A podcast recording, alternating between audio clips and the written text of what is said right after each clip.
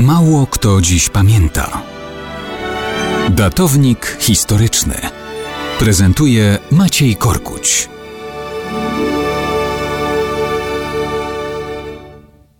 Dzisiaj jest obchodzony Dzień Pamięci Ofiar Zbrodni Katyńskiej w rocznicę jej ujawnienia przez berlińskie radio.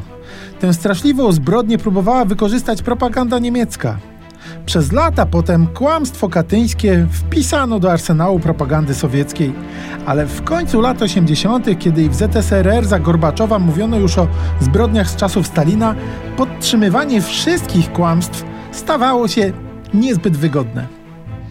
Wszędzie żądano ujawnienia białych plam w historii. W raporcie z 6 marca 1989 roku kierownik Wydziału Międzynarodowego Komitetu Centralnego Partii Sowieckiej pisał, że problem Katynia nabrał dodatkowej ostrości, a w rządzonej przez Jaruzelskiego Polsce i tak ludzie wiedzą, że to zbrodnia sowiecka. To był czas okrągłego stołu. Komuniści jeszcze rządzili.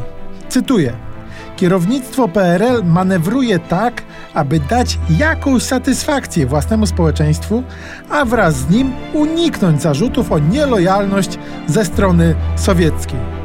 Taki to był klimat, ale czas nie grał na korzyść Moskwy, mimo że Jaruzelski nawet jako prezydent do końca zachowywał wobec niej pełną lojalność. Różne materiały wyciekały z archiwów. Gorbaczow w 1990 roku był zmuszony przyznać, że ta zbrodnia to dzieło Sowietów. Aby to przygotować, 3 listopada 1990 nakazał znaleźć albo wykreować coś, co będzie prezentowane jako zbrodnia Polaków. Akademii Nauk ZSRR, prokuraturze, Ministerstwu Obrony i KGB polecił przeprowadzenie poszukiwań, jak to nazwano, takich wydarzeń, które można będzie przeciwstawić prawdzie o Katyniu. Nic nie znaleziono, ale realizując polecenie, wymyślono wówczas problem jeńców bolszewickich z 1920 roku.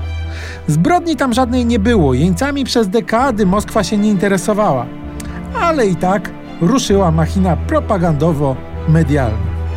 W Rosji pracuje do dzisiaj.